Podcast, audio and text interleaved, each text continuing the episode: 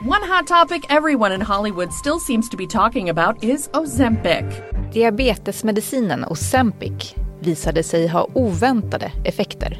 Och den långa jakten på fungerande bantningsmediciner står nu inför ett genombrott. aimed at treating obese and overweight adults. Early results seem remarkable.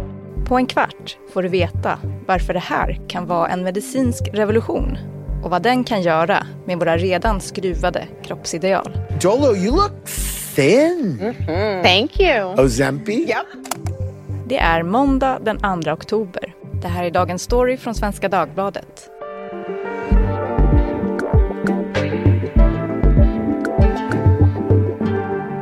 Programledare Alexandra Karlsson och gäst idag är Therese Bergstedt, vetenskapsreporter på SvD.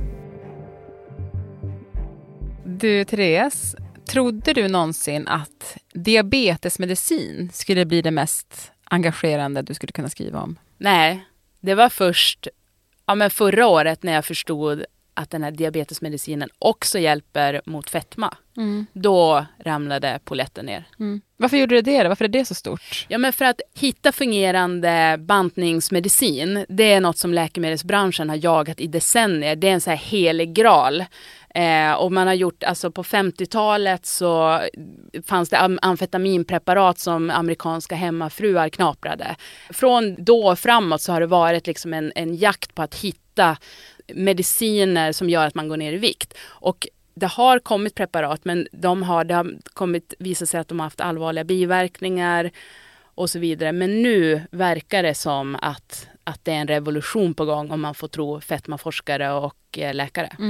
Eh, och vad som hände då när det visade sig att samma substans hjälper mot viktnedgång var att det blev en enorm global efterfrågan på det här läkemedlet. Så det, den substansen tog i stort sett slut. Alltså de tillverkarna Novo Nordisk, de har jobbat nu för att få upp produktionen. Men det råder fortfarande global brist på det här läkemedlet. Och det som har hänt då är att patientgrupper nu ställs mot varann för att de som behandlar svår övervikt och obesitas, de vill ju ge det till sina patienter medan diabetesläkarna, de vill ju ge det till sina. Och då har Novo Nordisk nu, på grund av att det är sån brist, har de skickat ut brev till, till svenska läkare att ni måste prioritera diabetespatienterna tills vidare. Mm, Okej. Medicinen heter ju Ozempic. Mm. Det kanske man har hört talas om. Blivit väldigt omtalat. Jimmy Kimmel har till och med sagt det på Oscarsgalan.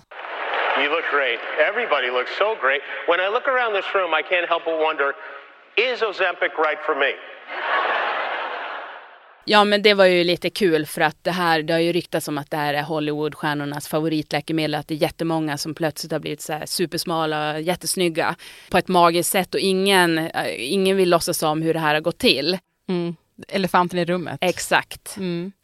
Ja, men, och det här företaget, Novo Nordisk som du nämner, Mm. Det är ju ett danskt företag. Mm. Och det här har ju också varit bingo för Danmarks ekonomi som jag Ja, förstår det kan man ju verkligen säga att Danmarks ekonomi går som tåget nu.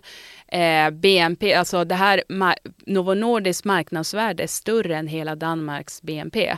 Danska statistiska centralbyrån redovisar nu BNP-siffrorna separat, att Novo Nordisk har en egen stapel. Eh, och utan de här försäljningsframgångarna så skulle dansk ekonomi troligen vara på tillbakagång. Så att man förstår ju att danskarna tycker att det här är kul. Men samtidigt kan man ju, det finns ju paralleller, alltså Finland och Nokia till exempel. Det finns ju alltid risker när ett lands ekonomi koncentreras så mycket kring en enda produkt. Och eh, som vi kommer gå in på, de är snart kanske inte ensamma om det här. Nej, den danska festen kan snart vara över. Men än så länge pågår den och jag tänkte att vi skulle bara stanna upp vid det här företaget då. Eh, deras, ja, jag vill säga firmafest, men det kan typ inte ens beskrivas som det. Utan de har liksom en sån årlig firmafestival. Ja, Ska vi titta på en TikTok-film som en av an- de anställda som var där gjorde kring den här festivalen?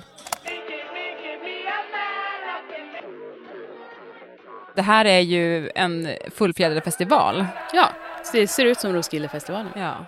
Vi har lång väg att gå i festkommittén på Vi Svenska ligger i lä, Dagbladet. så att säga, i jämförelse med det här Mm. företaget. Verkligen. Men nu Therese, nu blir det smolk i glädjebägaren för Danmark. för nu får de konkurrens. Ja. Eftersom eh, den här framgången med semaglutid som är en så kallad GLP-1-hämmare det har ju såklart inte gått konkurrenterna förbi. Och det är massor av företag nu som försöker utveckla liknande eh, viktnedgångspreparat. Eh, längst fram ligger ju amerikanska Eli Lilly. De har, alltså, man brukar säga att i genomsnitt tar man semaglutid då går man ner ungefär 15 procent i genomsnitt av sin eh, kroppsvikt. Men eh, Tirzepatid som då Eli Lillys preparat heter, de, de, har visat ännu bättre siffror. De senaste siffrorna är att man går ner ungefär 26-27 procent. Och det är nästan dubbelt så bra. Sen måste man alltid vara lite tråkig och säga att det här är bolagets egna siffror. De måste publiceras i vetenskapliga tidskrifter och så vidare. Men de forskare som jag har pratat med är väldigt positiva och entusiastiska för just eh, tirzepatid. De har ju väntat på den här typen av läkemedel så länge så de, de är otroligt glada över utvecklingen, att de äntligen har mediciner att ge till sina patienter. Mm. Och det, det, man kan säga då är att i höst så väntas både amerikanska och europeiska läkemedelsmyndigheterna, de håller på att granska den här tirzepatid då, om den ska godkännas för att behandla svår övervikt och fetma. Mm. Och Eh, blir den godkänd, då, då kommer en seriös utmanare, en riktig konkurrent till Ozempic. Men vad är det då, liksom eh, Ozempic, men även de här andra bantningsmedicinerna som är på väg ut på marknaden. Vad är det de konkret gör för den som använder den? De påverkar de områden i hjärnan som reglerar aptiten. Eh, jag intervjuade en forskare som berättade om, om sina patienter att, att många som försöker gå ner i vikt eh, kroppen stretar emot och ökar hungerkänslorna. Så att man får nästan panik. Men när de då får de här semaglutidläkemedlen som Ozempic så lugnar det ner den värsta paniken. Så att patienten upplever att de får mer kontroll över sina hungerkänslor. Eh, och det är många som, som säger att det är första gången de kan ta kontroll över sitt eget liv och göra mer hälsosamma val. Mm. Du, eh, jag tänkte på en sak. Du var inne i lunchrummet och berättade om när du skulle skriva den här artikeln. Ja. satt vi ett gäng där och du frågade så här, är det här liksom, vad tänker ni om det här? Och det var, vart ju liv i luckan, kackel i hönsgården. det kan man säga. Det var roligt att folk var så intresserade av ämnet. Ja, men jag tror att en liten del av det mm. beror på att, att folk gärna vill ha en medicin som gör att de blir smala. Mm. Och det var ju intressant för det var ju inga som var överviktiga direkt som, som gick igång och ville veta direkt när kan jag få det här preparatet. Men om vi, om vi sen snart då kommer i en verklighet där den här medicinen, liksom, bantningsmedicinen finns i överflöd, och man säger, den finns till de som behöver och även om man har diabetes. Och, och det kommer finnas flera olika märken att välja på. Eh, så kan det mycket väl bli med tanke på hur många preparat som är under utveckling nu. Och jag pratade ju med, jag har ju intervjuat flera forskare som är lite ledsna över att det har blivit den här diskussionen. Därför att de ser de här läkemedlen som behandling för en kronisk sjukdom, obesitas, alltså fetma. Och de tycker att det är trist att det är privatpersoner som, som är smala men som vill bara använda det här som någon slags quick fix. För det är det absolut inte, säger, säger läkarna. Och att de blir också ledsna därför att det ger den här typen av läkemedel dåligt rykte menar de. Om, om redan smala, friska personer ska börja använda det i skönhetssyfte. Men jag tänker ändå, liksom, vi lever ju ändå i en eh, size zero-värld. Eh, vad skulle hända om människor som inte är överviktiga vänder sig till de här preparaten för att liksom uppnå det idealet? Alltså det, ja, det är svårt att säga för att de har inte gjort sådana studier. De har ju bara tittat på det här, vad har det för effekt för, för svår, viktned, alltså svår övervikt och viktnedgång. Eh, de läkare som jag har pratat med är ju väldigt kritiska till att det här kan underblåsa osunda kroppsideal. Jag gissar att det kommer bli jättemycket debatt om det här framöver ju fler preparat som kommer ut på marknaden. Mm. Sen har den ju biverkningar också. Effekten kan vara väldigt olika och sen är det många som mår väldigt illa av medicinen. Så en forskare jag intervjuade berättade att flera av hennes patienter har fått sluta ta den för att de har kräkt så mycket. Och så kan man få diarré, förstoppning. Sen utreds ju också, sen, det finns två utredningar nu om potentiellt allvarliga biverkningar med Ozempic. Eh, och det är under utredning. Det ena är om, om medicinen ökar risken för självmordstankar eller för, för sköldkörtelcancer. Eh, så de utredningarna pågår. Skulle det visa sig att, att, att de gör det, då kan det eh, faktiskt leda till... Eh, alltså det, ja, då får vi se vad som händer med den här framgångssagan kring Ozempic. Och sen det här tirsepatid som vi har pratat om. Det är ju ett helt nytt preparat och där vet man fortfarande väldigt lite om biverkningarna.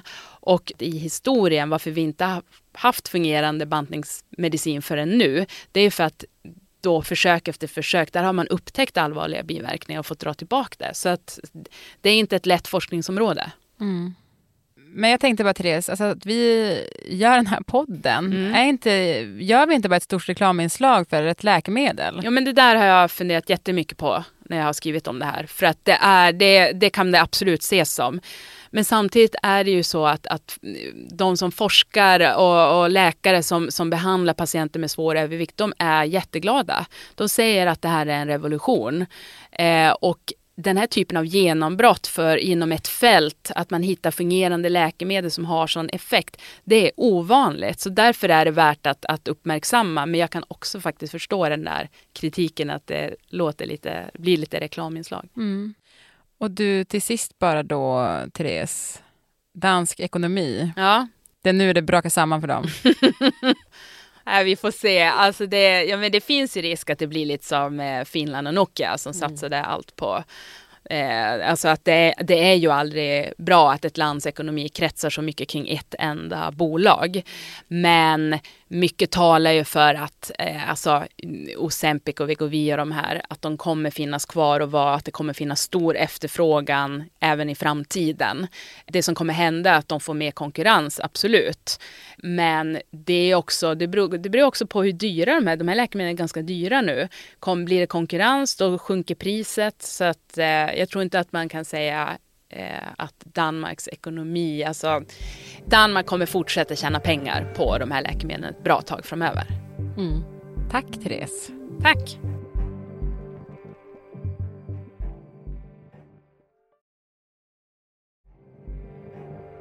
Producent idag var Moa Larsson och redaktör var jag, Stina Fischer.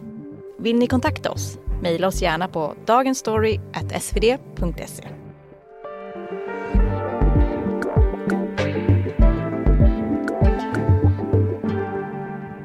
Klippen i programmet kom från E-news, Page 6, TikTok och CNN.